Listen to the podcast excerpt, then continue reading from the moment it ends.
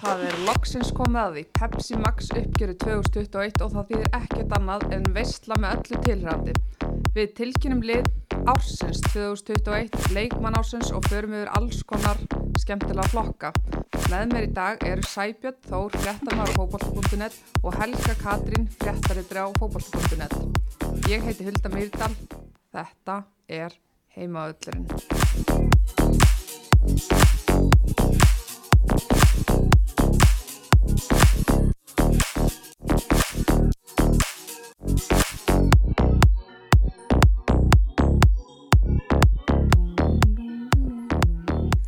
Jæja, þá eru þið mættirna. Við ætlum loksins að fara yfir þetta. Hvernig líður ykkur með það? Ég er bara spennt að keira í þetta. Já, bara klálega að fara yfir bara skemmtileg tíumbil. Mm Það er svolítið liðið en við þurftum bara að jafna okkur aðeins eftir mótið. Er það ekki bara? Það var skemmtileg deild. Jú, mér fannst þetta nokkuð skemmtileg deild í ár. Mér var svona sérstaklega, hvað sé, fyrriparturinn, þá held ég þetta að vera að þróast út í eitthvað aðeins annað en baráttun á milli blika og vals, sko.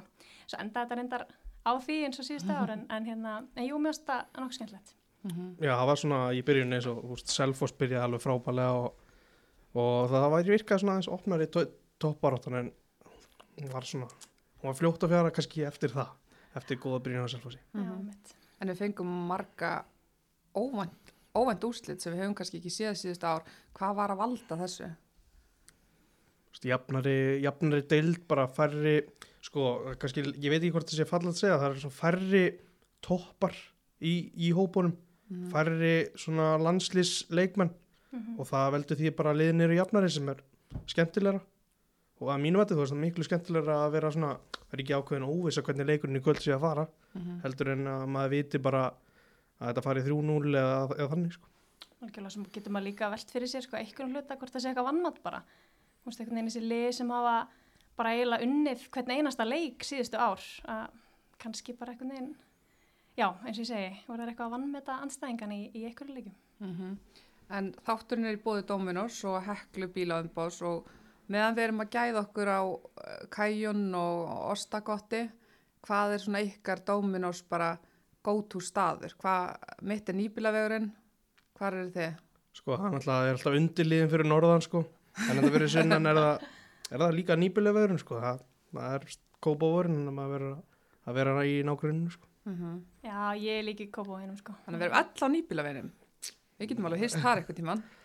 já, það er spurning hvort það gerist þetta daginn En hérna, förstudagurinn, uh, byggarleikurinn, byggar úrslitaleikurinn, uh, við getum ekki slefti að fara hans yfir hann. Þar hérna mætast liðin í öðru og þriðasætt í deildinni.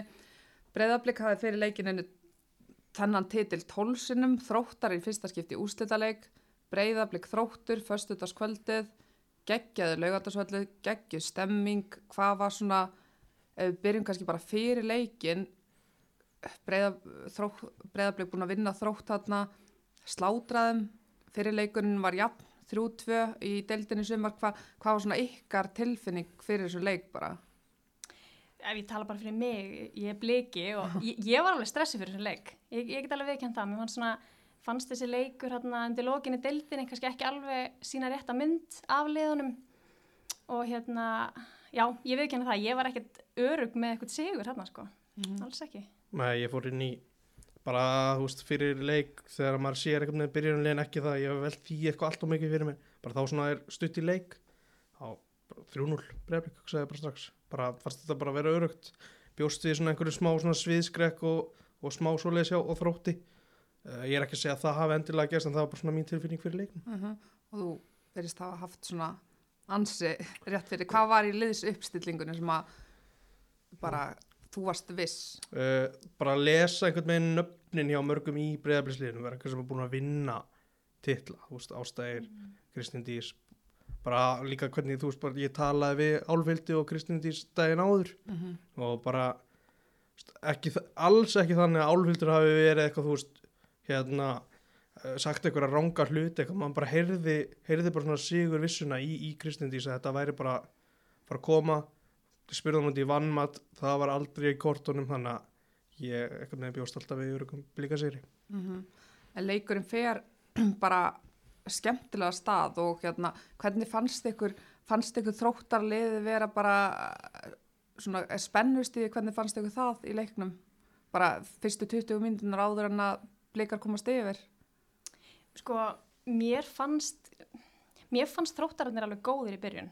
Mér fannst frekar blikarnir vera aðeins stressaðir, svona fyrstu mínúturnar sko.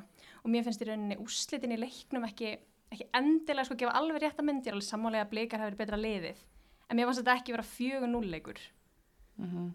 Ég getur verið að fullkomlega að sammála þessu, bara blikarnir byrjuði eins og ég held að þróttur myndi byrja Já, og en svo bara um leið einhvern veginn sko og blikar svona ná svona sínu leik, ná að setja fyrsta markið þá fannst mér þetta já, þá, þá fannst mér þetta í rauninni bara komið já, það er náttúrulega ótrúlega erfitt að fara inn í hálfleik 2-0 á laugardagsvelli á móti liði sem hefur unnið þennan titil þetta oft hvað áttu það sjans í setna áleik?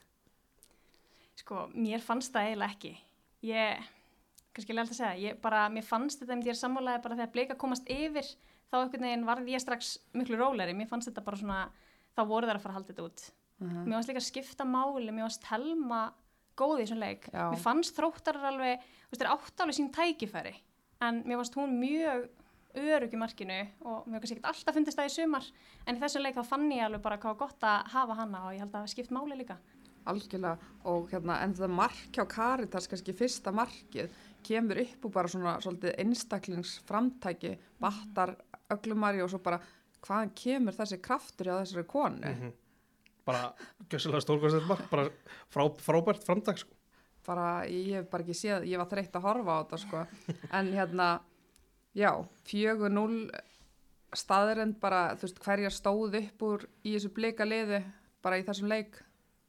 Caritas sem að vera að nefna hana. Hún var frábær. Um, maður skal sé svona lítið sjást til öllu svona tiltölulega meða við hvernig maður er vanur að sjá hana.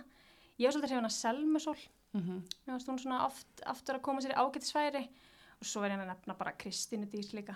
Mér fannst hún mjög örugvarnarlega og náttúrulega telma eins og ég nefndi Mhm. það já, það er sérstaklega svo bara ítrekka að telma átti bara frábæran leik já, síndi þarna að það er það er eitthvað það það er eitthvað til að vinna með og vera ennþá betri sko. mm og sérstaklega bara þegar hún grípur boltan í byrjun það er svo mikilvægt fyrir markmenn Mhm. þá sá maður að hún bara óks í leiknum Mhm. og bara, en leikmaður, er, þú veist, Ásta Eyr að lifta þessum titli, hún eignast barn fyrir bara, ég veit ekki hvernig er eignast barn og fæða þá frá aftur á völlin, þetta er magnað. Þetta er ótrúlegt sko ég er bara, minnst það frábært líka bara hún er að sína bara stelpum þetta er alveg hægt Mm -hmm. og hérna frábært fyrirmynd fyrir það sko Og Hildur Antons eins að koma búr erfið meðslum, hún er komin í miklu betra form. Mm Já, ég glemdi að nefna hana, mér varst hún frábæri í leiknum. Já. Hún er svona eiginlega minn uppáhalds leikmaður alltaf í þessu blíkalið. Ég elska kraftin í henni, einhvern veginn alltaf stöðu bara þetta. Mjög gaman að því, sko. Hún er um allan vell líka. það er það er Hún bara, þreytist ekki. En hérna þróttararnir, við verðum líka að rósa þeim aðeins, það eru komnar í hennan úslita leik, endi þriðja sæti, Nick, uh, sáðu viðtalið hann eftir leikin, hann var eitthvað ósáttur við dómgæsluna, dómarinn hefði ekki uh, þekkt Katie Cousins nógu vel og svona hvað, hann var kannski bara svektur eftir tapið eða hvað. já, já, öruglega þú veist svo er það líka með, með dómara þú veist hversu mikið áttu að kynna þér og, og svoleiðis. Auðvitað viltu að, að dómarinn sé vel undirbúin fyrir leikin en, en ég var ekkit þú veist, það er ekkit, þetta er ekkit eitthvað sem trublar mig sem áhóranda eða þannig sko ég get alveg skilið þjálfaran eitthvað þegar þú ert að vita þetta þú veist að vera með þetta á reynu En hann dæmdi, Já, hann já. dæmdi náttúrulega á þetta. Mhm. En hvað vildi Nick meira? það er, ég veit ekki hvort það var eitthvað í þessum samskiptum hann á milli bara, þú veist er þannig að númer, þú veist eitthvað skilur Já, já. eitthvað svoleiðist Hann kallaði hann ekki Katie Cousins, drottninguna. ég, ég veit ekki hvað það er sko en, en já, bara þetta tíum bylja á þrótti bara geggjað Mhm. þú veist, bara framför frá því fyrra eftir gott tíum bylja fyrra þannig að það ætti bara hárið réttir leið og, og geggjað örgla fyrir þær einmitt þú veist, þó að þær tapir þessu þær komast í hann leik, fá, sí, sjá allan stuðningin og þetta er svo mikið til þess að byggja á sko. Mhm. Og sjá svo stúku, hún var bara Ótrúleg. byluð. Mér langar bara að rósa stuðnismunum begja leiða. Þetta var, það var æðislegt að vera þarna, sko. Mm Algjörlega. Og hérna, en áður fyrir lengra þá var bara áður nefnd Karitas Tómasdóttir valin betri júleikmaður mánaðarins og já, það, ef að hún fór ekki í Magnusum bað eftir þennan leik, hún þarf að ná sér fljótt núna. Ég er með gjöf fyrir ykkur líka. Þa, það er að koma vetur Já, já. og þá er, þá er bara eitt sem virkar á mig. Það virkar nú ekki mikið á mig, en það er hérna Better You D-vitamin úði. Ég held að jólasveitinu væri bara í desember Nei, sko. nei, hann er alltaf, ég er alltaf, alltaf klár og þetta er úði sem þið þurfum bara að sprauta einum, einum úða. já, Þið þurfum ekki að vera að burðast með ykkur töflur allan daginn Mhm. og þetta er í þrjá mánuði þannig að yfir svartasta vetra tíman þá er þið í dundrandi góðu skapi. Ég get alveg, ég ábyrgist það. Þetta er bara geggja, ég gleymi um þetta alltaf að taka töflunar, þannig að Einmitt, þetta getur bara haft í veskinu bara og, nákvæmlega. en hérna, bara verði ykkur á góðu. En hérna, takk hérlega.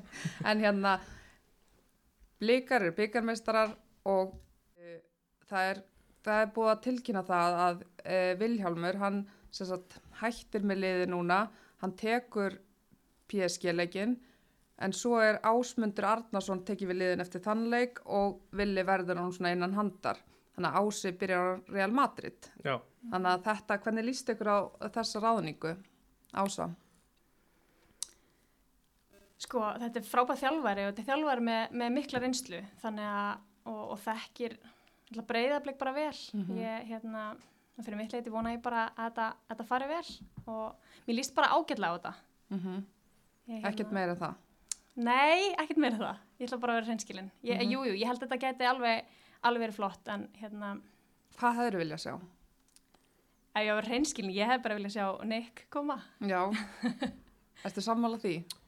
uh, sem ekki drosalega mikill bliki þá er mér svo sem er alveg sama en, en já, eðlileg þróun á ferli Nick er samt vantarlega að taka við einu á stóru liðunum tveimur en Ási er, er frábær þjálfari og, og það er ekki held ég svo rosalega oft sem að svona, svona þokkala stór prófíl í kallaboltanum Mhm. tekur, tekur við hvernamenn þó að jú, auðvitað, veist, Kristján Guðmundsson er í mig stjórnuna og svo leið sko en, en og Ási er með sína breyðarblikst tengingu og og þetta, svona, þetta var svona fljótt ljóst að þetta er því niðurstaðan. Mér er svona Mhm. áhugavert að hann verður í teiminu sérst á móti PSG Já, og einhver aðstofmar hjá Villa og svo, svo snýst þetta rauninni við eitthvað með í framhaldinu. mm -hmm. Svona, já, þetta- ég veit ekki, alveg, veit ekki alveg hvað það er, hvort það sé eitthvað svona kveðjulegs hugmynd á, á, á kópáðsvelli fyrir Villa, sko. Mér finnst þetta pínu spes. Já. Þetta, ég hef bara viljað sjá Villa eiginlega klára bara meistaradildina, svo tekur bara ásið við á nýju tímabili. Mhm. Mér hefði þótt það svona eðlilegasta þróunin.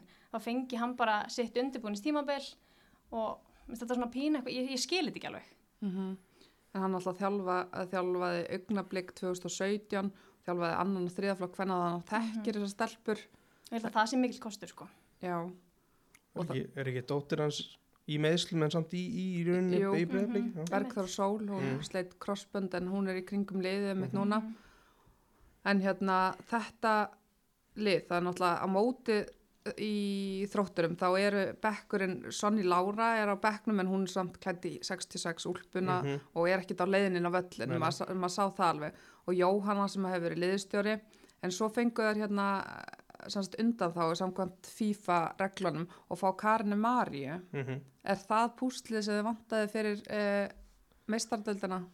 Allavega fyrir mitt lit þá sé ég Karinum er ekkert eitthvað lappa inn í breyðabilsliði sko en, en hún geta alveg verið fyrsti varamar þannig sé sko og Mhm. það vantar í, í meistallinu þarf það alveg að vera með fleiri en 11 leikmenn sem, að- sem að hérna e, eru á hvað maður segja, hæsta, hæsta lefileitt Karin Marja er alveg leikmaður sem er svona rökrétt skref fyrir hann að fara í, í annað af, toppliðunum sko Mm. Já, ég meina, ég held að það sé erfitt fyrir breyðarbleik að fá inn leikmenn sem svona raunverulega styrkja byrjunarliðið. Mhm. En við þurfum klálega að fá inn leikmenn sem, sem geta styrt bekkin og geta komið inn. Þannig ég held að, ég held að þetta sé bara góðu fengur að fá hana, sko. Mm Það er alveg... Þær fengu líka belgíska landsliðskona, hún hefur reyndu bara að spila held í fjóra leiki, Sandy Sór, hún kemur frá Houston Das, uh, var í eitthvað svona selekti fyrir eh, Orlando Pride en spilaði ekkit fyrir þær, ég held hún hafi ekki spilað leik fyrir Houston Das en hérna þau hafa hort á okkur YouTube myndbönd vonandi. mm -hmm. Vitið þið eitthvað um minna leikmann? Ég las einhverja greini, grein já, á vísi um að hún var vist í hvort ég man ekki hvort það var alvarlega veikindi eða alvarlega meðsli mm. sem hún bara nánast ótrúld að sé að spila fókbalta ok, þetta var svona, þannig var þetta summerað upp. Og það fannst mér mjög áverð uh, en ég, ég fór ekki til okkur YouTube og, og, og flettin upp eða þú veist þannig. Nei, en þær fylla svo, þær þurfa náttúrulega bara að fylla bekkin, annað væri bara vandrarald fyrir Já. mestaradeldina, þannig að Emilia Halldórsdóttir, Sara Svanhildur, Viktoria Paris, uh, þær eru, þær fá, sérst, þær frá augnablik, Margrét Brynja, hún má ekki spila út og hún er of ung, Bergþór og Sól uh, verður í kringum liðið, þetta verður stórkostlegt ævindir náttúrulega bara að fylgjast með breyðablik fara bara í þetta ævintiri. Já, ég er allavega, fyrir mitt leiti er ég mjög spennt fyrir þessu. Ég, ég veit að verða okkur til sóma. Það er bara, það er klárt mál. Ég held að við sem að fara að ná góðum úrslutum í sem reyðl Mm Og kannski kemur á sig bara inn með eitthvað snild og Já, það er aldrei að vita. en hérna, ef við ekki bara fara í Pepsi Max uppgjörið, það er að loksins koma að því.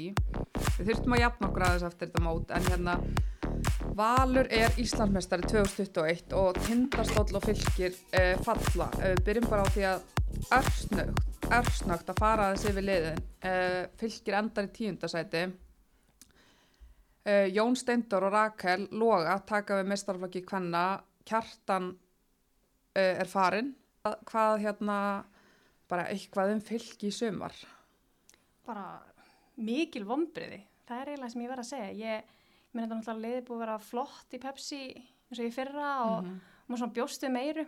Ég skal alveg viðkynna það og ég man bara eftir þessum fyrsta leik í deildinni það töpu 9-0 á mútið breðablик. Ég bara, hvað er í gangi? En ég held að það væri svona bara eitthvað eitthvað eitthva slis. Mhm. En svo bara einhvern veginn sá að það er aldrei til sólar hans manni.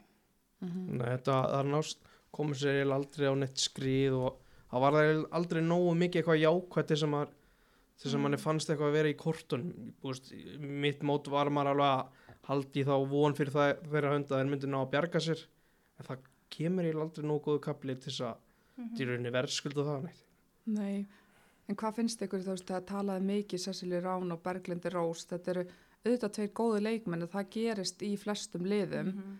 Va, þú veist, er það ástæðan fyrir þessu? Það hlýtur að vera meira. Það hlýtur að vera meira. Ég meina það er klálega tveir frábæri leikmenn og, og mjög erfitt að missa þær en maður trúi samt ekki að, að þú veist, fallið er svo mikið.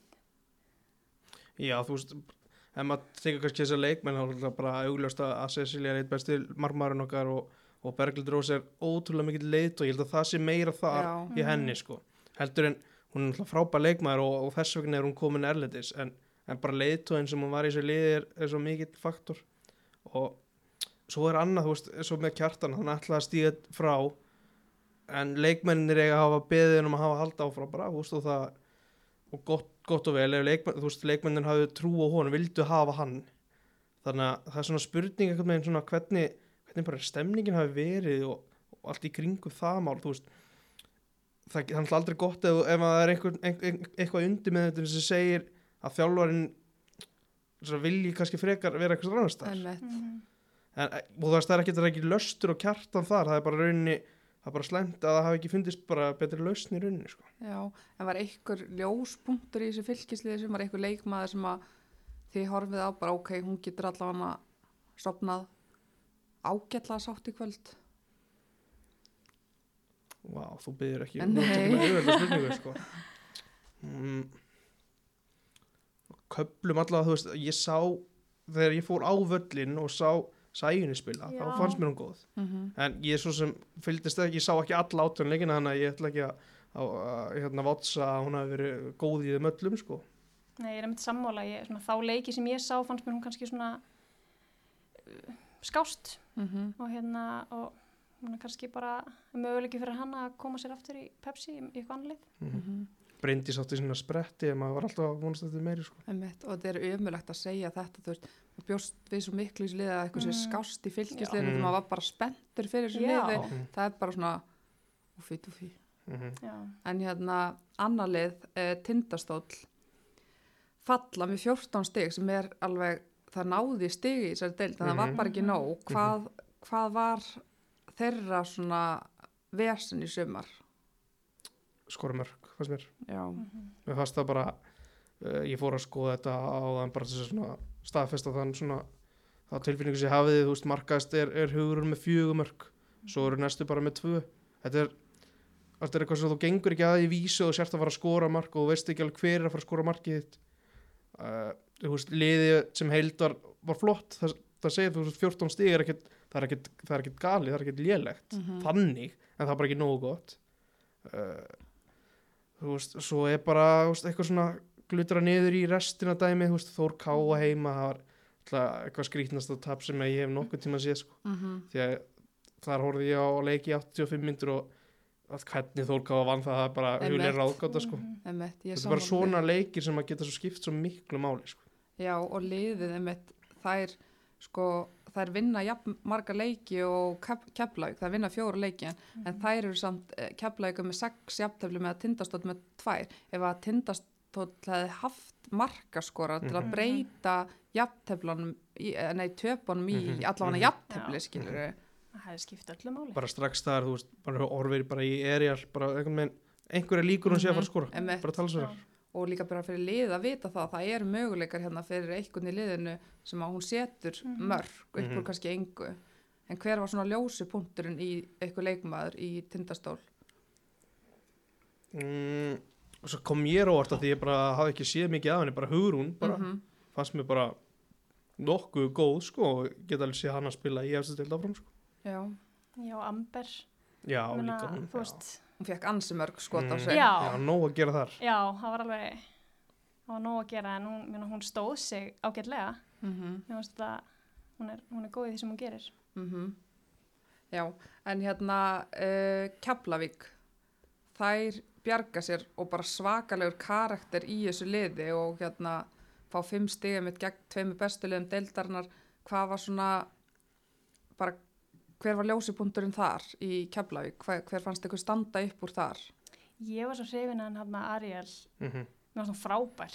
Ég bara, því ég sá hana fyrst spila, hún er svo mikið nöyt. já, Það er bara, mikil íþrótt íþr, mikil íþrótt kona, Mhm. bara svona, svona einleikar sem að ekkert allt og marga kannski í deildinu hafa, svona sprengi kraftur og svoleið sko, Mhm. Mm En hérna, auðvitað, ég heyrði í, þegar ég var þarna í Keflavíkur íþróttásun og þau vildi bara fá hann í körfuboltan líka hjá sér. Þetta er bara þannig. ég skil það vel. En hérna en þau lenda náttúrulega það lenda í miklu mótlandi sumar. Bara mjög mikið af svona vafa atriðum sem kannski falla ekki með þeim. Hefði ekki verið auðvelt fyrir það bara að fara heim og gráta. Bara mjög, en það sýnir líka bara hversu, hversu fastar þær voru að ná þessu markmiði sín, alltaf sér uppi. Mm svo voru þú veist breytingar af því að sko, við vorum aftur inn á ljósupúntina mm þú veist eins og þegar Natasja hann er að prófa hann á miðjunni og í vörninni það svona virkaði, af, ég held að hann hefði fundið svona blöndun hvenar hann átt að vera með hana í veist, já. á mið, í miðjunni eða í vörninni. -hmm. þú veist, og svo er, hvað er ekki Kristrún, Jú, það ekki? jú, grjóthörð Já, frábæri, já, flotti í bakverðinu uh og Tiffany flotti í markinu. Já, hún var frábær í markinu. Mhm. En hérna IBVF eh, byggustu við? Var þetta bara, er þetta bara er það sáttar við, það er í sjönda sæti er, er það sáttar eftir þetta tímabil? Sem ég myndi segja þetta svo viðunandi. Já, já, ég held að. Ömurlegt. þetta er ekki, þetta er ekki, þetta er ekki slæmt en þetta er svona viðunandi, þú er bara svona slafst einhvern megin, svona 5-6 að einhvern gerði nóg. Það var, er eitthvað svona, það er meira í, býr meira í þessu liði heldur en þetta finnst mér Já, bara eins og það síndu svolítið í byrjun tímanbils. Mér finnst að líta mjög vel út þar. Svo einhvern veginn eins og þær sáu bara að þetta er lengi möguleiki og, og svona bara semi gáðust upp einhvern veginn. Mhm. og það voru mörg, það verður að nefna mörg sérstök brot það var eh, sem maður sá bara myndbönda og þar voru að slá til leikmann og eitthvað svoleiðist, það var hvað var það? ég veit ekki hvort það sé eitthvað, þú veist, eitthvað spennustig eða eitthvað stemning í hópnum eða þú veist, hvernig, hvernig eða þú veist, svona slæm Já, stemning já, skilur já. þú veist, þetta er bara það, hvað veit maður, kannski er eh, var bara haldið svona háu tempo á æfingum og mikið undir og Já, mikið já. keppniskap og einhverjir kannski taka það bara með í leikina að missa bara stjórn hvað veit maður, ég, ég var þú veist ekki var ekki mikið á æfingunum hjá IBF þannig að en hérna það missa náttúrulega bara DB út til Kristjánstad Mm Elisabeth er fljót að spotta hérna bara hún var þarna besti leikmaður deildarinnar. Hvað hérna svo stígur leikmaður svo Þórabjörgu upp uh, áttuðu von á því Ég átti ekki, ekki vona því. Ég eiginlega bara vissi ekkert hver þetta var. mm Ef ég var hreinskilin fyrir tímabilið og hún heldur betur stegu upp, var mjög, mjög góð setnilega tímabilsins og bæði mörg og stóðsendingar. Þannig ég er mjög hrifin að henni, ég er spennt að sjá hvað hún byður ykkur upp á. Já, mikið, mikið í henni sem leikmanni og, og einmitt bara mjög spennandi hvað hún tekur sér fyrir, er hún ekki a- að velja á milli fótbolta? Það verður bara áhugavert að sjá hvað hann velur sko. Ég vona á vel í fótboltan. Já, sammála því. En hérna, þannig að eh, svo sem stóð upp úr í IBF, Margar jafnar, það er svona Já. það sem mín tilfinning DB var bara, var Mhm. besti leikmannir þeirra svo var var ekki Viktoria, heitir hún það ekki sem var á miðjunni Jú, jú, Já, hún var skilin mörgum og, og svo leis bara annars var þetta svona frekar jafnt Mm veist, auður í markinu átti vona okkur svona aðeins meiri þar ég held bara hinskilin Kristján er samt flott í bakverðinum og, og, og, kantinum mm það sem hún var að spila þetta bara það er engin svona einhver eiginu svona alvöru toppur mér Nei, það er engin svona ein stjarnabind, svona margar fínar. Mhm. margir, margir góði leikmenn eins og segi og ég, þú veist, mér finnst það eiga inni, þú veist, bara tvö, þrjú sæti í deildinni. Já. væri bara velhægt sko. Já. En hvað gerist með svona lið? Nú er alltaf ótrúlega margir útlendingar. Mhm. Verða þessar allar áfram á næsta ári eða þarf að púsla upp algjörlega nýju liði? Ma, mér finnst nú oft þessir útlendingar bara, maður sér það bara eitt ár í dildinni en, en það væri náttúrulega mjög gott fyrir IBF að ná að halda þeim og byggja ofan á þetta, svo erfitt að byrja einhvern veginn alltaf frá grunni Já. það er hérna, þannig að ég vona þær ná að halda Mm þær Já, ætla að fara ekki mikið eftir hver tekur við liðinu líka Já. Og, og auður náttúrulega núna komin í var. Mhm. Hva, Mm. hvað er hugsunum bak við það? Ef Sandra ætlar að vera áfram þá lítur Sandra að vera Mhm. þú veist, horfum bara í það ef Sandra er aðalmarkmaður í landslinu þá verður svolítið skrítið hún verður ekki aðalmarkmaður í vals þannig að auður þarf einhvern veginn að slá hann út eða fara Mhm. annað, það er bara líka löst fyrir Já, fyrir hún ekki bara lán á þessu tímabili og Jú, það er líka, ég meina Sandra allar á EM og Mm. Sandra allar að standa í markinu, Já. það er bara, þetta er bara jafna sem að, svona, já, þetta er, þetta er erfitt, erfitt svona skrítin stað en svo sem Mhm. var það alveg svo pínu fyrir þessa leiktið mm þó að mm auður er náttúrulega komið eitt ári viðbútt Mhm. en hérna Þór Káa, þar er, það er enda í sjötta sæti, mjög efnilegt lið, en, Mm. en hvað var það hérna, andri látin fara núna eftir þetta tímabil, þau voru bara ekki sátt eftir Nei, þetta tímabil, Mhm. Hvað fannst ykkur um spilamennskunni sem að fyrir norðan? uh, sko fyrir mitt leiti þá svona þegar ég líti á töfluna þá kemur mér svolítið á óvart að þetta leysi í sjötta seti ef ég var bara hinskilin ég, mér fannst ég ekkert sjá neitt sérstaklega spennandi þá leiki sem ég sá, ég sá vissulega ekki alla en Mm -hmm. þetta er bara, þetta er nákvæmlega hugsa ég er bara, þú veist ég talaði ekkit, ekkit alltaf fallega um uh, Þórkáa þegar ég var hérna síðast. Og það er einhvern veginn fóru svona harka fleiri úrslit eftir það. Já, og svona vörðni var þéttari ennþá þéttari einhvern veginn ég vissi ekki að það væri hægt sko. En það einhvern veginn tókst. Og já bara ég veit ekki alveg hvað hva verður Þórká, þú veist, það verður alltaf eitthvað það er fullt af spennandi leikmenn, það er ljóst en, Mhm. en Kari Marja er komin í blika Marja Katarina fór í sumar og Arna sér ætla bara út í atvinnumennsku. Hún er á leiðinu út. já, bara klárt ef að já, ef henni býðst á þetta er almenns lið, þá fer hún bara Hún hefur aldrei verið í betra standi og liðið Nei. fær bara á sig 23 mörg en skorar bara átján. Þetta var, eh, já, ég, mér fannst ekki gaman að horfa Þór Káa í sumar miða við hvað erum með marga skemmtilega leikmenn.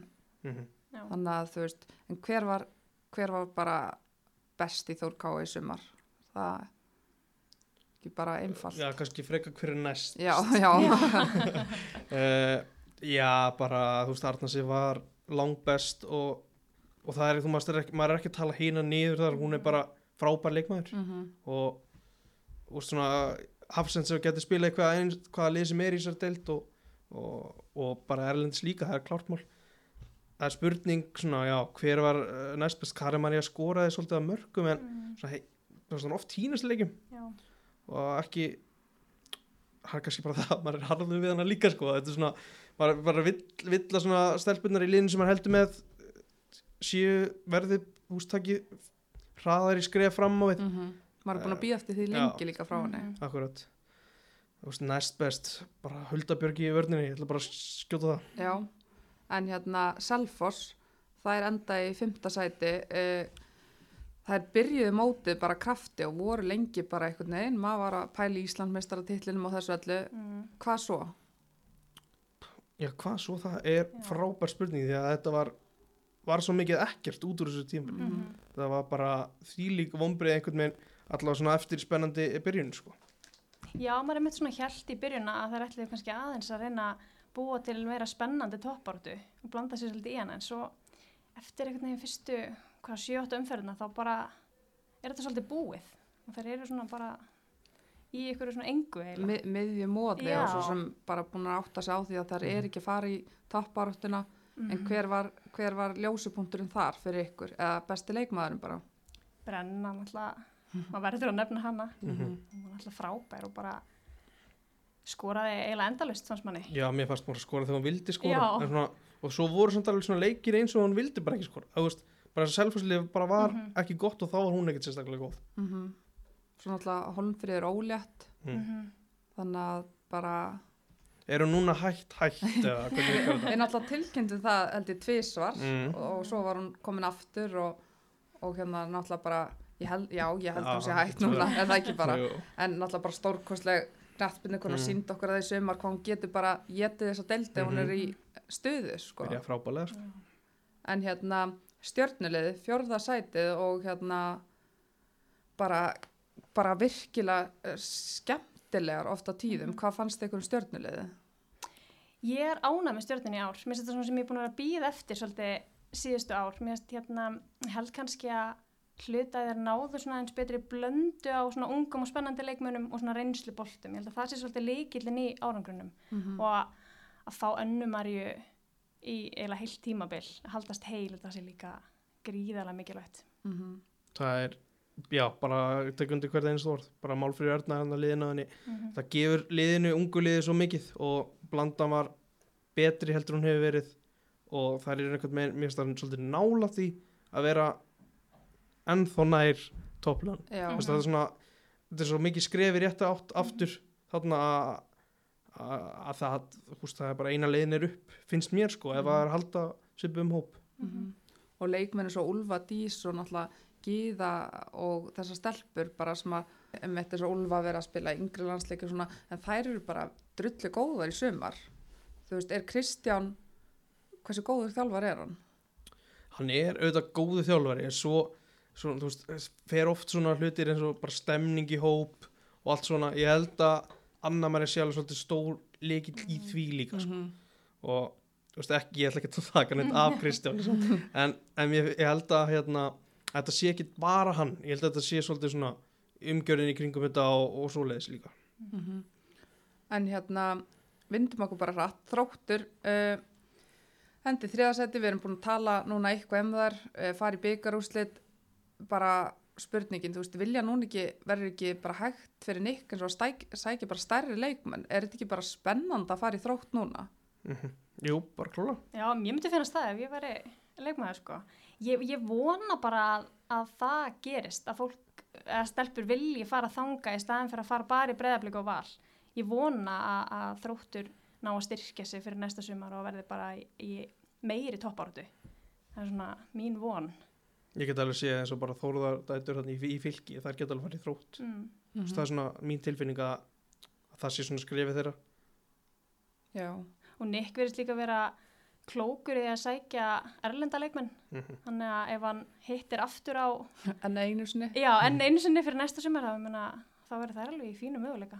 Mm En svona, bara leikmenn sem að þið hitlaðist af í sumar í þróttu, hver eru það? kom mér á óvart Íristök kom varst hún góð Já, og Sammála. svo er veist, Á- Álfildur og veist, að efnilegu leikmenn Mm Katie var samt svona yfirbyrða fannst mér sko já, Það. Olla Sigga, ég náttúrulega ekki maður, þú veist, það er, það er fullt af spennandi og góðum hlutum í gangi þarna Mhm. Linda Líf eftir erfið meðsli var bara Mhm. flott já. og fleira sko Og leikmenn eins og, þú veist, við sjáum Sóle Maríu fara í Mhm. breyðablík Mm. fyrir ykkur núna kemur hún bara og er drullu góð í Mhm. Pepsi Max-deldinu þannig að þú veist, Nick er góður þjálfari, hún og Jelena það eru unga stelpur en þær eru bara að verða bara flotti leikmenn algjörlega, mér finnst þetta mjög spennandi projekt sem er í gangi þarna. Mm Þannig að ég er mjög spennt að sjá hvað að gera næstu sumur. Já, þetta verður klálega bara, þú veist, allavega aðna vonandi áfram fyrir þau Fyrir- Mhm, fyrir þær, liðið og- og það er sem maður er að heyra allavega að hann verði áfram það er Mhm. svona spennandi einmitt, projekt fyrir unga efnilega leikmenn eða leikmenn sem vilja prófa eitthvað nýtt sko. Mhm. Algjörlega. Og breyðablík liði endar í öðru sæti og byggamestari bara hvað hvað, hérna, hvenar töpuðu þær titlinum? Já, hvenar uh, Mér fannst það svona þetta var svona gerist bara hægt og rólega einhvern veginn Mhm. Það er töpuð sér reynu þegar Valur vann titil Já. þetta var svona, það var meira þar þegar Valur bara hætti að tapa stígum Mm Já, Bara- já. þá einhvern veginn, þú veist, það voru jafntefli á móti keflaði, hvað tap á móti keflaði, hvað var jafntefli á móti Þór, hvað var sent í mótinu. Þessi, þetta er svona, þegar að Valur fann taktinn þá, þá sást að Valur var betra lið heldur en að breyðablíkar mm. þú veist, Andrea Rán fer Stáslu Munda fer, en þú veist samt einhvern veginn meira finnst mér að Valur hafi unnið þetta heldur en að þessu. Ef ég ætta að pinpoint eitthvað held ég að verið þessir tapleikir á heimavelli á móti stjörnun og keflaug. mm. Það er svona, það er ekki það sem að þekkir frá breyðablík. Var svona kannski það sem svona sagði mér að titillin væri ekki að koma í kópaði. Mm Og það er töluð um það og það sögðu það sjálfa bara eftir byggarúslitaleikin að það hafi ekkit verið þannig sé gameplan. Mm. Var Mm. það eitthvað náttúrulega steina og svakalega skýr í Mhm. því sem hann vildi fá frá liðinu? Var það eitthvað sem að hefði mátt vera skýrar í sömar? Eflaust, eflaust mátti það einhver tíma vera en stundum kannski hjálpaði þetta Mm veist, þetta er svo er svo leikmaður eins og Agla Marja fær bara þarna eitthvað frjálsræði og það sír hún Mm. var alveg flott já, stein, hún var ekkit verri þá heldur en núna en svona, maður sá bara svona frjálsræði í, í sumum leikum -hmm. var það Mhm. gott kannski verra þá Fyrir aðra. fyrir aðra og veist, svona sérstaklega kannski svona miðjan í liðinu var, ég, var stundum var hún í, svolítið í ruglunu sko. og Mhm. hvort að það sé uppleikið eða ekki Mm það verður einhver annar svona Við fáum einhvern, einhvern annan. En bara besti leikmaði blika í sömar. Ég held að það verði að vera agla. Já, ég myndi segja þessu Agla Marja Já, ég sammála því. Mm Þær dróðu þetta svolítið saman uh, Agla Marja og Ásla Mynda en maður vondur að segja það við hinar út að hinar spilið alveg stórkostlega oft á tíðum Mhm. Nei, ekki Nei. vondur sko en en uh, það er bara svona það er svo mjög áberandi og það er svo eðlilegt eitthvað meina að ætla að þær hafi verið langbestar. Hina voru klálega nærið þeim heldur en maður kannski að hugsa þetta sko. mm En þá er liðið í fyrsta sæti. Það hérna var náttúrulega bara valur. Þær vinna mótið, höfum við eitthvað út af valasetti í ár? Nei, bara svona byrjunin á mótinu bara, það er að eina raunni og en ég held að þessi byrjun hafi bara hjálpað þeim svo þegar að leiða og þannig að ég veit ekki hvað er hægt að setja út á Íslandsmistarinn sem að vinnur, vinna titilin líka samfærandi mm Já, sammála því, mér finnst uh, svona svolítið skrítin byrjun á þessu tímbili hefða, menn svo fundið að liðið sitt og það er svo mikil reynsla í þessu liði. Þetta eru svo mikil sigurvegarar að Mhm. hérna, nei, það var lítið sem maður getur sett út á. Nei, það væri líka bara að væri vandræðalegt ef við færum eitthvað hérna að pikka út eitthvað en li, kannski uppáhalds leikmennir ykkar í sumar í val Já, um, Malla, ég veist hún rosalega góð. Uh, Ídamarinn kom mjög sterk inn og svo Ástískarinn sem að, bara mjög flott á kantinum. Þetta er svona þessar svona þrjár svona sem minna talað um. Mm Og svo eins og, nú verður náttúrulega nefna Mist og, og Dórumarju, það voru líka ótrúlega góðar í sumar. mm -hmm. En það er eiginlega, maður gæti næstu í tali upp hvernig einasta leikmann í þessu liði. Mér varst kannski engin ein svona áberandi best. Þú veist, Nei, mér varst svona valu verið það lið svona sem mér fannst svona auðveldast svona þegar það kom, þegar það fundu lið bara já, þetta er besta lið þeirra. já. það var einhvern veginn skýrast hjá þeim að þær voru með eitthvað sem var sem að hétt eitthvað besta lið Mm og meðan að svona erfiðara hjá hinuleginu fannst mér allavega En hérna við uh, spurðum, við ætlum að koma með nokkra flokka hérna, þar sem að við fengum hellingasvör frá fylgjendum okkar og hérna, en hérna, ef við byrjum kannski að því bara ummæli sumarsins. Við fengum náttúrulega í fyrra, Alfred kom við bombu þá og þannig að það var nú bara hann vann þessi verðlun en hvað svona dettur ykkur í hug sem ummæli sumarsins? Var eitthvað Uh, það er eitt sko, mér varst svona skemmtilegt, svona ekkert eitthvað sem að vakta eitthvað gífulega aðtekli en þegar hérna, þegar Malla skoraði á sigumarki á móti breyðabliki, þegar Valur vinnur 1-0, þá hérna sagði hún að hún hefði verið svo draugur eftir markið. Bara liðsfélagarnir hefði sagt bara eins og var, bara ég, held, ég veit ekki hvort það að vera svo hiss hún hefði skorað, eða þess, þetta er svona ummæli sem að vakta aðtekli mína sko.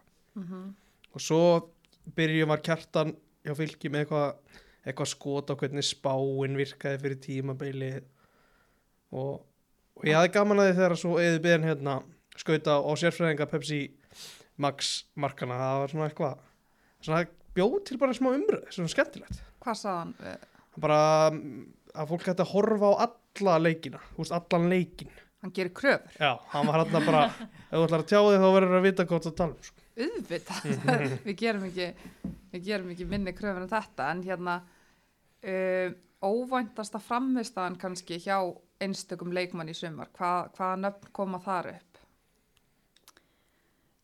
Til dæmis Þóra Björk hjá uh, IBVF það, það kom mér á óvart. Mér varst hún frábær sem setni hluta tímabilsins. Já, bara eins og besta líka í deildinni Katie Cousins, ég vissi ekki við hverju ég átt að búast og hún var Mhm. ótrúlega góð. Það er svona, já, það er svona sem vakti hvað mest svona hjá mér. Var Þóra og hún svo er, svo er þetta fleiri svona bara eins og í, í, í hérna í val bara ástíðskarinn hversu mikið betri hún var í, í árheldurinn í fyrra og, og hérna bara hvernig, þú veist já, búin að tala um val, það er svo margar sem smetla þar veist, Lára Kristín, hvernig hún kemur inn í deildina hún sýnir bara hversu góð hún var hún í rauninni sýnir af hverju hún fór í veist, í, í atvinnu mennsku veist, eftir, eftir hversu strempi tímubli káir þá sýnir bara hún á bara að vera í topplið á Íslandi að jafnvel spila erlendis mm -hmm. Já. Að vera hægt að nefna alls konar af þessum erlendu leikmönnum en maður kannski vissi ekki beint við hverju maður var að búast fyrir tímabilum, svolítið erfitt að setja þær í eitthvað óvænt, mm Mhm. maður vissi ekkert einmitt, um þær. Maður veitir sem aldrei. Óvendasta framistaðan kannski svona held er framistaða fylgis. Já, sammála því, það kom verulega óvart. Það er kannski svona vestu vonbreiðin ef Jú, við jú, á myndum tíma. færa, færa okkur í þannflokk það Mhm. er bara, við vorum með hérna bara bara vonbreiðin vonbreiðin, þetta var breytt orð og það, mm við vorum öll sammála um það að það væri bara lið fylgis heilt yfir Mhm. og vonbreið hjá mér líka veist svona bara var spenntur að sjá hva, hversu góð Muriel var í efstu dild þess og Mhm. hún að glímaði meðsli hann að hann er erfitt að, erfitt að dæma frá því sko. Já, og náttúrulega skora 25 mörg í fyrstu deildin, það er fyrstu deildin en tindastóll bara til að halda sér uppi þá þurfti tindastóll að fá meir en tvö mörg frá henni. Mhm, Já, ekki spurning. Ég var mjög spennt að sjá hvernig hún myndi standa sig í þessari deild og svona, já, ég samanlega voru pínu vombriði. Mm En ef við förum í bara, ef ég hérna bomba þess á okkur skemmtikrafturinn í deildinni, bara hvaða, lei, e, hvaða leikmaður er það sem þið væri bara til að borga aðeins herri upphæð til að fara inn á vellin bara til að sjá þannig leikmann með boltan. Já, Ída Marín er fyrsta mann nafnir sem kemur upp í mín huga bara það var eitthvað, þú veist, það er eitthvað svona eitthvað sprengja og, og leikskilningur sem að er á svona einhverju, einhverju stígi sem að maður væri alveg til í að borga aukalega fyrir sko. Mm ég var svona að hugsa um áslegu mundu, svona þegar hún er eitthvað sitt besta. Það, þá einhvern veginn bara getur enginn stoppað hana. -hmm. Já, og svo, þú veist, bara, þú veist, aglamari, þú veist ekki Já. hvort hún sé að fara að skora þrjú eða fjögur eða, eða hvað hún er að fara að gera, sko. Mm En leikmaður sem áttum bara leikmaður sem við hefðum vilja að sjá meira frá og það, þetta er náttúrulega leikmenn sá þau sem við gerum kröfur fyrirfram út að þar hafa sínt okkur eitthvað. Já, sko, mér langar aðeins að fá bara að nefna Tiffany hérna. Og Ég hafði alveg getað nefnt hana kannski líka í, í vombunum. Mér, mér fannst þetta ekkert sérstök framist það í sumar. Ég veit hún skoraði ykkur, hvað, áttamörka. Mhm. Já, og ég menna, þú veist, það er sjálfur sér ekkert glatað. En mér fannst hún í rauninni ekki bæta neinu við þetta blikalið. Því ég hef frekar vilja sjá það að nota bara ungu stelpunar. Mhm. Já. Muriel, hjá mér, bara, Já, bara sömu sama ástæðan og hérna, og Bryndís Arna hjá, mm hjá fylki bara, allt í lagi tölur svona eftir á, veist, sex mörg en það er eitthvað meira aðna, sko. Náðu ekki alveg að, sína. Og hún er samt bara, hún er mjög ung Já, en með að við tíu mörk í fyrra Mhm. þá bjóst maður einhvern veginn bara við henni Mhm. setja fleiri mörk Mhm. þráttur hún meiðist þarna og, og hérna alltaf bara ömulegt fyrir hana en fyrir það þá hefði við viljað sjá bara því við höfum séð hvað hún getur en hérna óvæntustu úrslitin í sumar, hvað hva voruð þið með þar? Það er alveg slatti sem kemur í- upp í Mm. huga þarna. Ég, ég menna, við getum tekið hennan valur breðablik, Mhm. 7-3, úst, það bjóst enginn við þeim úrslitum, Nei. það er bara að segja. Alls, það er bara engin, það er bara miklu frekar búist bara við 0-0. Já, Einmitt. nákvæmlega. Og ég menna, það, það eru nokkri leikir sem kom upp hjá breðablik, ég menna, tap á heima allar mútið kepplæk, mér finnst það mjög óvænt. Tapið í eigum var svona fyrstu óvæntu úrslitin. Já, Það er svona vakti strax aðtegli breyðablik, þær geta alveg tapað og, og, og, og út frá því svona byrjar, byrjar líka sko ummæli frá, frá þjálfaraliðsins að að svona smá gaggrína á fjölmiðla Mhm. en bara maður er ekki vanur að sjá breyðablik bara tapa svona. Nei, en það var samt eitthvað gott fyrir deildin út og þá Mhm. sá maður bara, heyri, það Mhm. getur allt gerst hérna, þetta er ekki ósnertalega lið þannig að það var bara já, en hvaða leikmenn svona verða eftirsóttir í sumar, það er náttúrulega falla tindastóll fellur, fylgir fellur hvaða leikmenn er að fara að fá símtöl. Spurning með svona þessa, þessa móttastólpa kannski hjá tindastól hva, hvort að þær sé ekki bara orðnar svona söðgrækingar sko, hvort það verði ekki bara áfram. Uh, svo ég fylgið, veist, maður veit ekki með Bryndísi hvað hún gerir og Katla Marja og Íris hvort að það er farið eitthvað annað. Það er svona fyrstu sem kom upp í hugan hefur mm uh, í liðunum sem falla og svo þú veist eins og ég að Selfossi áslut óra ef hún ef eitthvað lið vill fá hana hérna, þú veist, breyðablik eða valur þá, þá er hún alveg leikmaður upp á framtíðan að gera sem að kemst alveg inn í, inn í þessi lið held ég sko Mhm. Já, ég er bara nokkuð, nokkuð sammála þessu sko. Ég hugsa að liðin í deildinni muni pottit reyna allavega að leita í þessar leikmenn í fylki og tindastól sko. Og ég meina, ég held að vilja þetta spila í Pepsi. Mhm. Þannig að það verður kannski svona auðveldara. En ég held að þær, þær sem eru í tindastól og söðagróki, það sé ekki neitt að fara. Þeim líður held ég bara Nei. mjög vel að Það er eiginlega líklega kannski að er takið á sig að keira klukkutíma á Akureyri eða eitthvað Mhm. eða þeir vilja vera hann fyrir norðan. Mm -hmm. sem maður veit samt aldrei, maður veit bara og svo þú veist, ég er svona horfði svona aðeins í neðri delina líka. Þú veist, hvað gerir að leikmenn eins og Freyja Karin, hvað gerir hún í Mhm. og, og Mikaela Nótti á haugum þú veist, leikmenn sem að ætti alveg að spila í, deild Einmitt, og bara til að taka næsta skref einhvern veginn, Mhm. hvenær er það rétt og svona, en hérna markaðist í deildinni, það er náttúrulega við getum ekki drætt um það, það er Nei, bara nei. staðurinn það er Brenna Lofera með 13 mörg uh, en hún það sem að kannski, hún skorar aðeins tvö mörg af þessum 13 er á móti liðanum fyrir ofan eins og Val, Breiðablik Þrótt og Stjarnan -hmm. var það, þú veist Já, þú veist, það er náttúrulega svona leikinni sem að hefði, hún hefði þurft að delivera til þess að hefði enda ofar, það bara segir sér sjálf en, en þú þarf alltaf að skora í hinuleikinu líka þannig að það tekur engin afinn þessi 13 mörg Nei. er svona, hún byrjaði það upplugt að maður svona einhvern veginn bjóst við að hún væri bara að fara að skora í einhverju minnstaleik og stundum, stundum svona já, skora hún þegar hún nefndi. Það virtist að svolítið vera þannig Já, einmitt, ég er nokkuð samanlega þessu og, og ég held einmitt eins og við töluðum um áðan að þær byrjuðu svo vel, bæði brenna og bara selfisingar yfir höfuð og einhvern veginn þegar koma þessum leikjum við breðablik og val og einhvern veginn og þær töpuðu því að þá fannst mér einhvern veginn svona svo að þú gæfi svolítið upp. Það bara svona, já ok, við erum ekki að ná þessum liðum og af hverju þá var reyna. Mér fannst einhvern veginn pínu þannig stemming yfir þessu. Mm Það verður ekki sátt að þetta er ekki sammálu þessu vonandi en, Vonandi ekki. en hún samt setur 13 frábamörk og gerir helling fyrir þetta. Algjörlega. En hérna besti þjálfarinn í deildinni, við ákveðum að velja, þeim megi segja mig frá þessu, hver er besti þjálfarinn í deildinni? Nick, Nick bara hands down eins og maður myndi segja á, á einskunni uh, bara frábær frábær þjálfari sem er bara að sína hversu já, hversu, hann er líka svona öflur í að velja, veist, erlenda leikmenn svona, og vinna með unga leikmenn. Það er svona, já, það sem að íslenska deildin hefur svolítið mikið snúist um. Mhm. hann, hann er bara fullkomin í í akkurat þessu sem hann er að gera.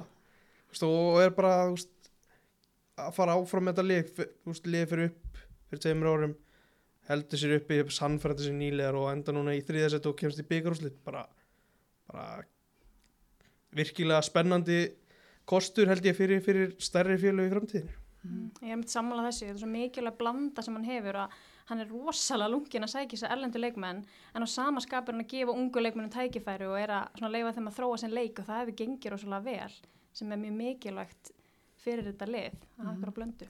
og verðist líka að leggja leikina þú veist, það er líka eitthvað sem maður er að sjá Mhm. þetta er lið kannski, þetta er ekkit sterkar á pappirum en önnur lið en hann er einhvern veginn að undirbúa sig gríðarlega vel Mhm.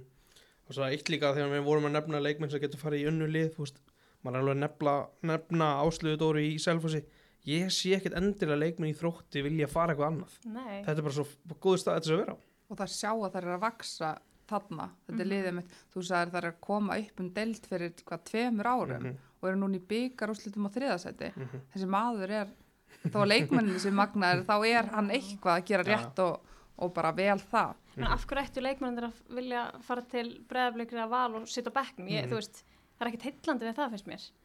Þannig er þetta að tækifæri til að þróast og en hérna efnilegasti leikmaður það er þá leikmaður sem að er fættu 2003 eða setna hver, hverja völd við efnilegasta 2021 það voru nokkur svona nöfn sem að vara sem að vara að horfa í og svo þú veist Hildigunnur hjá stjörnunni Olla Sigga og Andrea Rutt hjá Þrótti Þóra Björg hjá IBF og Ásludóra voru svona nöfni sem að ég var allavega svona að hugsa á ég, mín niðurst það var bara Andrea Rutt hjá Þrótti mm -hmm. bara var skilja mörgum og, og, og framfærir sko Já, ég meina, ég get alveg verið sammális en það er, eins og hún nefndir, það er fullt af leikmennum sem koma til greina en, en ég get Mm. alveg stutt þetta. Mhm. Þannig að við ætlum ekki í raun að velja efnilegasta, við ætlum bara að gefa þessum leikmönnum sem við nefndum sjátt, sjátt átt. Þannig að þetta voru þeir leikmenn allavega sem að voru fremstar meðal jafningja. Mm Áslöð Dóra, Olla, Hildigunnur, Andrea Rutt Þóra Björg mm og svo verð ég eins og Jelena í þrótti, já, mér finnst hún Mm. frábær Mhm. líka. -hmm. Þannig að þær fá að fagna þessu bara saman. þessar en hérna þá komum við að lið ásins og þetta er þetta var smá hausverkur en við erum búin að stilla upp hérna liði ásins uh, við ætlum að spila leikjari við 32 vantilega hverja erum við uh, með í markinu? Þetta var smá við rættum þetta aðeins en, Mhm. en á endanum komumst við að niðurstöðu að þessi var best. Já, var það ekki svona þrjúnöpp sem við vorum að velta fyrir okkur? Jú, vorum með Söndru í, val sem átti bara heilt yfir bara gott tímanbíl í markinu. Og Amber hjá hjá Tindastóli sennilega besti leikmaður Tindastóls. En svo bara svo staðarindurinn að keflaði keldur sér upp og Tiffany átti virkilega gott tímanbíl þar. Held ég að sé svona gera hann að verði um uh, sérst, kosti í þessa stöðu sko. Ek, og alls ekki eitthvað, eitthvað hínar hafði ekki verið bara þessi árangur og, og framist það og þær fá bara á sig 26 mörg og hún var bara frábær í sumar. Hún var gríðarlega mikilvæg fyrir þær. Og bara já við settum Tiffany í markið og hún ætlar að verja fyrir okkur en þá erum við með þrjár í vörninni. Við hérna já, hver er, hver er fyrst inn í þetta lið? Fyrstinn í liði er Mist Edvardsdóttir að auglusum ástæðum. Er hún fyrstinn í liði hún bara frábær í, í allt sumar. Það er eilt þú veist, þið verður bara að hlusta á viðtal við, um, við hana og bara á þess að við ræðum hana það er bara gjössalega gjössalega frábær og, og Málfríður henni við hlið er líka í liðinu eða ekki? Jú. hana, jú. Bara eh, besta já, ég vil ekki segja bara besta miðvarapari í dildinni að Ekki spurning. bara sannfærandi í öllu sem þeir voru að gera og, og voru betri inn í fyrra. Þetta er svona allt bara spilar inn í þessu bara einhvern veginn small þegar Malla var færið aftur mist var færið úr tíunni aftur í Mhm. vörnina og, og þarna small þetta bara. Þannig að þær eru tvær en s- fá ein eh, fá liðstyrk að norðan. Mm. Arna Sif, hún er með mér í vörninni. Af hverju vel í vörnu Sif? Þór Káa er mikið varnalið og hún er best í vörn í liðinu. Hún er svo sem það gæti alveg verið hægt að segja hún sé best í fleiri hlutverkum en það en hún er best í vörninni. Og hún er mikill leiðtói hún er öflug í loftinu. Þetta er svona hver er best í loftinu? Er það Arna Sif eða er það mist svona í deildinni? Er mín spurning sko. Það sem ég er að velta fyrir mér. Og Arna Sif er í þvílíku standi bara aldrei verið í betra standi. Og mikið rósa á hana hvað hún er búin að leggja á sig og, og hún er bara að gera sig klára fyrir atvinnumennsku myndi ég alltaf Mhm. og svo koma við erum með ansi þetta er svakaleg hérna miðja við getum hér sagt það en hérna hver er fyrst hver er fyrst þarna? Fyrst á blað, já, er það ekki Dóra Maria? jú, ef ekki hún var náttúrulega bara stórkostlega með val í sumar algjörlega bara þessi leikmaður náttúrulega það er ekki eftir hrósinu nóg bara róin sem hún hefur á boltanum og róin sem hún gefur liðinu bara hún átti stórkostlegt tímabili var að vinna sinna áttunda titil Íslandsmeistartitil þetta er náttúrulega bara algjörlega styrlað bara þvílík þvílíku leikmaður og þvílík fyrirmynd í, í því sem hún er að gera og gefur þessu liði, valsliði mikið og ég veit ekki er, veist, það er alveg sumin sem á að tala um að þetta sé bara jafnvel eitt af hennar bestu tímabilum og hún er búin að vera hún er verið lengi í þessu.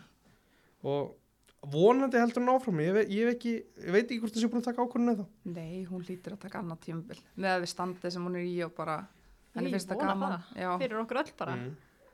en hérna næst það er Katie Cousins af hverju veldum við Katie í liðið Ég fyrir svo sem búin að ræða hana svolítið í þættinum, ég menna, hún var bara frábær í sumar. Það er ekki hægt að- að að sleppa henni. Ég hérna, var bara besti leikmaður þróttar í sumar, myndi ég segja. hvað gerði hún fyrir þrótt, hvað gerði hún? Þetta er svolítið skrítið að kannski segja. Hún svona einhvern veginn eins og kemur með svona reynslu í liðin samt hún er ekkert gömul. Og hún er bara svona já, fa ákveðna fagmennsku líka í því sem hún er að gera. Og öryggi og þú veist bara komdu með fleiri jákvæða lýsingur og Já. og bara hvað hann er limdur við hann á Mhm. boltin og leikskilningur og svona, já, moment svona í leikjum sem hún var að gera hluti sem að urðu til þess að þróttur náðu góðum úrslitum í þeim leikjum. Mhm. en hérna á miðjunu með þeim er leikmaður sem að spilaði bara nýju leiki en við gátum ekki annað en tekið hann inn í liðið og bara vel verðskulda, það er Lára Kristín. Mm hvað, hvað, af hverju fær hún að vera í liðinu? það þarf bara að skoða gengi vals eftir hún kom og það er svarið. Já, hún bara ekki, hún, ekki, ekki ein, hún, hún var ekki ein í því að breyta genginu en, en bara hún kom með svo mikla festu inn á miðuna Valur fann sitt besta lið þegar hún kom inn og úst, bara svo bara svo kaup að fá hana inn það er bara ja, bestu kaup tímumbilsinu held ég Já, ég verður að vera sammála því. Ég bara einhvern veginn stabilisera þessa miðju svo mikið. Að hérna, var ég aldrei spurning hvert titillin færi eftir að hún komst í þetta lið. mm og kannski ég veit ekki, vannmetin leikmaður þannig séð út af því að hún gerir þetta svo auðvelt, hún fær Mhm. boltan frá vörninu og þetta er bara, hún verist alltaf vera búin að ákveða hvert hún ætlar að senda hann. Bara því líkur happa fengur fyrir val. Það er svona yfirferði í henni líka á leikskilningu og veit bara hvað hann á að vera og, og krafturinn í henni. En á köntunum það hérna Áslumynda, mm hún fær, hún fær staði þessu liði, Áslumynda í sumar? Hægri kantur vinstri löp, þetta er svolítið þannig er dæmi, bara óstöðandi á deginum þá er, var hún bara besti leikmaður deildinni. Og þú veist, ég veit ekki, var að leggja upp einhver, einhver hellingamörkum og, og skora eitthvað, eit- eitthvað líka, þetta er bara því líkt flott að sjá hann að komna tilbaka eftir þetta vombriða tímabili fyrra. Og já, bara úst, velskiljanlegt að hún sé svona í, svo daðra við byrjunum að lýsa þetta í landsliðinu Ég bara einhvern veginn, þegar hún er á sínum degi, þá bara gerur hún það sem hún vill gera. Maður bara getur síðan að lappa í gegnum vörn anstæðingana. Þetta er alveg mjög spennt að sjá svona hvernig hennar leikstíl þróast. mm, og bara er hversu langt hún getur náð Algjörlega. maður sá það bara eins og í, þú veist, þegar maður hefur séð að spila landsleikjunum, hún verðist geta bara fýblað hvaða leikmann sem er. Já, En hérna á hinum kantinum, hver, hver fær sæti þar? það er Agla, Marja. Það er svona hinleikmaður frá blíkun sem verður eiginlega að vera í liðinu. Hún alltaf stendur alltaf fyrir sínu. Hún er bara... Ef ég væri varnamæður myndi ég ekki vilja mæta öglu. Mhm. Ég held að það sé eiginlega svona besta lýsingin á henni. ég held að það sé svona fyrsta sem þú, þú stoppar Já, í hinulinn hvernig ætlum við að græja þetta einmitt. hvernig stoppu og hún kom sér í, í 15 skotfæri í leik og, og skorið 2-3 sko Mhm. þetta er bara já, hún, hún er kannski úst, kannski smá löstur hennar leik er að hann horfið mikið á markið Mhm. en á sama tíma er það svo geggjað eitthvað megin að það er, bara, það er bara eitt ég ætla að skora og ég ætla að vinna leikin Mm Hún er að leggja líka upp hellingamörkum. Nefnilega. Það er bara svona, hún skorar mikið, hún er að leggja mikið upp bara, já, því líku leikmaður. En við spilum með tvær fremstar og hverjar eru þar? Það er, fyrst er að markaðist það brenna Mhm. lofera sem að já, það er það er erfitt að velja ekki markaðasta leikmannin í lið hún var svona já, eitt kannski ekkit allt og mörgum kannski svona björtum björtum svona leikmannum í, í selfossi með að við svona tíðanbilið Mhm. þetta var bras eitthvað megin en samt meðan hún var að skora helling þá eitthvað megin já, maður hefði viljað sjá meira frá selfossi brenna á, á hróskili fyrir sína markaskorun og kom svona pínu óvænt aftur inn í deildina eftir að hafa verið á IBF var ekki verið Mhm. tveimur árum held ég mm betri, betri en ég held miklu betri og bara því líku kraftur í þessum leikmanni. Já, ekki spurning, þetta er svona framherri sem maður sér ekkert e, í hverju liði, þannig að mér er svo skemmtilt að horfa á hana. Er svona allt öðruvísi element. Mm Og bara alltaf hættuleg, hættuleg með boltan. Já, En með henni er Elín Metta. mm það er valla hægt að sleppa henni í þessu liði. Það var samt svona, hún var, hún var svolítið lengi í gang, um, kom alveg þarna nokkri leikir í byrjuna sem hún bara átti erft með að koma sér á blað, en Elín, þetta er bara svo góður leikmaður, þetta bara á endanum kom þetta og ég meina, hvað var hún ekki með ykkur 11 mörg eða eitthvað svoleiðis í sumar og Mhm. og hérna það var kannski svona mér fannst þetta ekki besta tímabilið hennar fyrir val og í Pepsi-dildinni en það má samt ekki endilega dæma hana því úst, hún var frábær. Mhm. hún gerir svo mikið fyrir val annað en bara skora. Úst, hún er líka þessi fyrsti varnamæður og ég held að það hlutverk sé líka svolítið vannmyndi Já, ég tek undir það, ég held að það sé mjög vanmetið og bara maður sér það, ég sá það mikið í þessum leikarna þegar það er í rauninni svona innsikla titilin uh, á móti breyðabliki þegar það er að vinna 1-0 að hún er svo mikið þessi fyrsti varnamæður frekar en kannski fremsti sóknamæður þetta er svona, þetta er vinslan í henni og bara þú veist ekkert návi er eitthvað of erfitt fyrir hann að vinna, hún er bara að fara inn í það og hún ætlar að vinna hún er tilbúin að fórna því og hún var ekki með í landsleikunum síðast af því hún er tilbúin að fórna því. Þú veist, hún bara, hún harkar kannski of mikið af sér. Mm Og líka bara þessi leikskilningur þar sem hún hefur líka, þú veist að það er alltaf verið að tvöfalda líka við á hann og þá losna svæði kring fyrir aðra leikmenn sem eru þá að blómstra. Og bara Elin Metta, þú veist, maður hugsa líka bara valur án með Elina Metti sumar, þú veist, það, það hefði bara ekki verið eins ár. Nei, aldrei. Þannig að þetta, þetta er liðið okkar og er bara, ég myndi alveg treysta mig til að þjálfa þetta lið bara þó ég væri blind. Já, ég myndi treysta með þess að ná fjórað hundasætt í dildinu eða eitthvað. En hérna, þá komið lið ásins og leikmaður ásins er þá hver? Hver er leikmaður ásins? að mist Edvardsdóttir var og að við völdum hana sem besta Já. leikmann og ég held að það sé bara mjög verskulda Mm -hmm. bara þetta tíumbil sem hún átti var bara stórkostlegt og veginn, þú veist af mörgum að taka í, í valsliðinu þá var hún einhvern veginn svo sem stóðu upp úr sko. Já, ég get alveg tekið undir þetta frábært valslið en mér fannst hún einhvern veginn svona hún var svo ótrúlega solid allt tímabilið og, og mér finnst það mjög vel að þessu komin Það myndi engin mótumvæl þessu. það er mjög erfitt að ég gera held að það það sé valla hægt það er örgulega, ég fæ örgulega ekki marga hérna, hatuspost eftir þetta, það er allir sammála um þetta en hérna þá er bara eitt eftir í dag og það er það sem við gerum í hverjum þætti að velja heklu uh, þáttarins í bóði heklu bílaðumbós.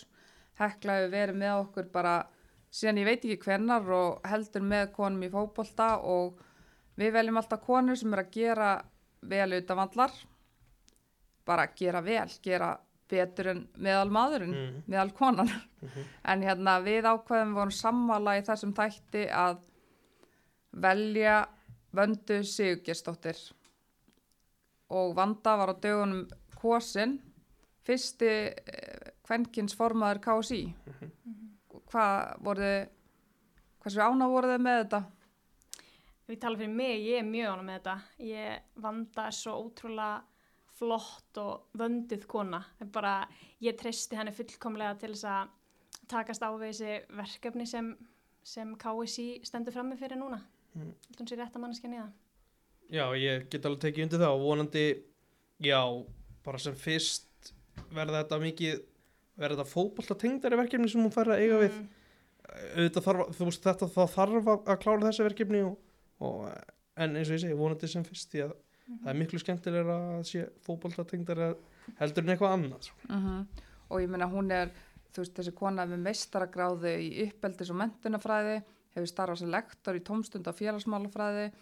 Þú veist hún er allan sinn starfsferil starfað með börnum og fullorðu, fullorðnum og hefur svona leitt þessa eineltis bara hvað segir maður eineltis hún hefur bara verið algjör brautriðan og en svo bara fyrir utan það þá hefur hún þú veist hún spilaði fyrir Ía og Breiðablík fór í atvinnumennskuna og hún spilaði fyrir Íslenska landslið og bara hefur þjálfað eh, hún var fyrst íslenskra kvenna til að taka við karlalið í fótbolta. þegar hún tók við neista á Hossósu hún hefur eh, fengið fálkaorðuna hún er bara ég held bara að það sé ekki til betri kona sem að þekkir fótbolta bara út og inn. Nei, ég held að það sé bara rétt hjá þér. Hún er bara, þú sagði að hún var hvað fyrst kvenna til að taka við þessu á Íslandi, hún er ekki fyrst í Evrópu til þess að þetta er bara hárétti aðilin í, í akkurat það, sko. mm Já, ég að saman því. þessu, mjög vel að þessu komin, sko. og svo verður náttúrulega hérna, hún er kjörin núna og svo verður uh, er aftur þing hjá KSI hvenar er það Það er ekki? í februar. Já, og ég meina vanda er ekkert í þessu til að stoppa bara þanga til í februar. Nei, ég held að það sé eiginlega enga líkur á því. Nei. Nei, þannig að bara vanda er algjör fyrirmynd og bara þvíli kona, það ætti að ljósa þetta vöndu og hafa hana, vildi óska þess að vera til fleiri svona einstaklingar alveg gegn heilir. En hérna, já, þá held ég, erum við ekki búin að, erum við ekki farin að vera ansi góð hérna í kvöld. Bara þeir voru geggju í kvöld, bara innilega takk fyrir komið. Já, Takk fyrir að fá okkur. Takk fyrir mig.